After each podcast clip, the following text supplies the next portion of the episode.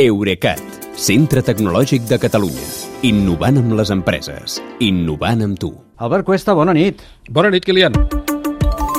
Continua la temporada alta, diguem-ne, de congressos per desenvolupadors d'aplicacions. D'aquí a 10 dies toca, si no vaig malament, Apple. I ja tenim certesa, certesa, certesa, de quina serà la novetat principal?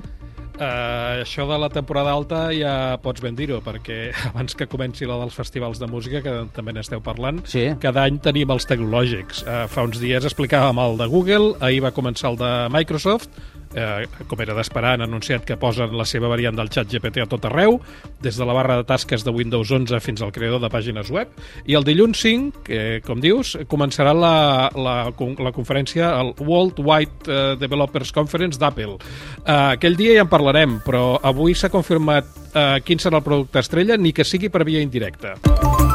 I serà les ulleres de realitat mixta combinant virtual i augmentada? Uh, exacte. Uh, fa tants mesos que se'n parla, que en parlem, que ja les donem per suposades, però avui tenim un indicador que els observadors d'Apple, que són com els vaticanòlegs, però que se centren amb la poma mossegada, Sí. el consideren definitiu. L'empresa ha convidat a la presentació del dia 5 almenys un periodista, periodista especialitzat en realitat virtual. Concretament és Ian Hamilton, de la web Upload VR, que així ho ha explicat al, a la web, a la pàgina. Ja, però si m'ho permets, eh, podria ser una anècdota, això, no? Perquè Apple convida molts periodistes. T'ho permeto i és el que he pensat jo, però eh, ja, en persona no et penses que et convida tants. I, perquè, I, de fet, la llista de convocats sol ser molt ajustada al que presenten. Per exemple, quan anaven a presentar l'Apple Watch, es va saber eh, que la novetat seria un rellotge, precisament perquè hi van com convocar premsa de moda i mitjans especialitzats en rellotgeria, que es veu que existeixen. Ja. Uh, per tant, uh, si hi ha un periodista d'universos virtuals, podem estar gairebé segurs de que uh, hi haurà unes ulleres. Altra cosa és si seran o no seran com ens agradaria que fossin, que jo aposto que no ho seran. Tu ja ens has explicat com preveus que seran, gràcies en part a les filtracions, eh?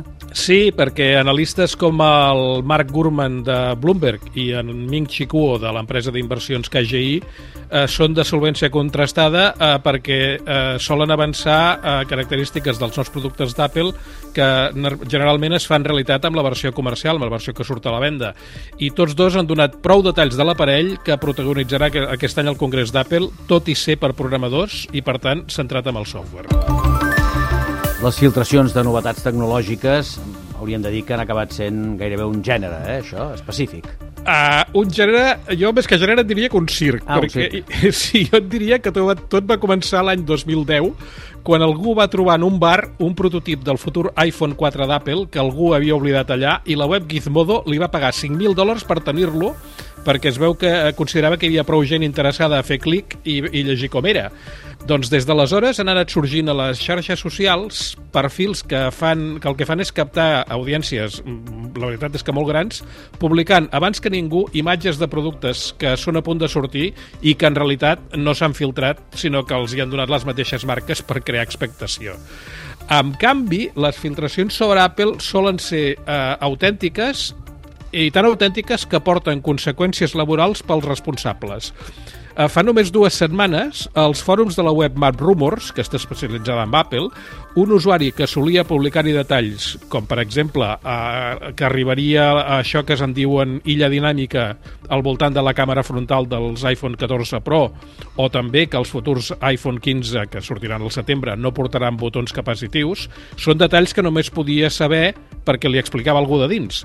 Doncs bé, ha resultat que aquest algú era la seva germana i Apple l'ha despatxada per no de respectar el contracte de confidencialitat. I és que Apple controla tant la informació que té un equip de detectius que es dediquen a esbrinar d'on surt tot allò que encara no volen explicar. I quan troben el responsable, l'engeguen al carrer. Per tant, el que expliquen els analistes que deies, els ho deu explicar algú de dins i més amunt. Algú que, que no poden acomiadar i que eh, naturalment té interès en que el que explica se sàpiga. Clar. Bé, doncs avui expliquem totes les coses que podem nosaltres sense que algú de més amunt ens digui res. Bé, a no ser que tu Tant- estiguis molt més amunt, que això també tant- és molt probable. Tant de bo. Va, una No, jo abraçada. sempre estic, jo sempre estic al teu, al teu servei. A peu de terra, com, com el programa. Va, una abraçada i que vagi bé. Bona nit, fins demà.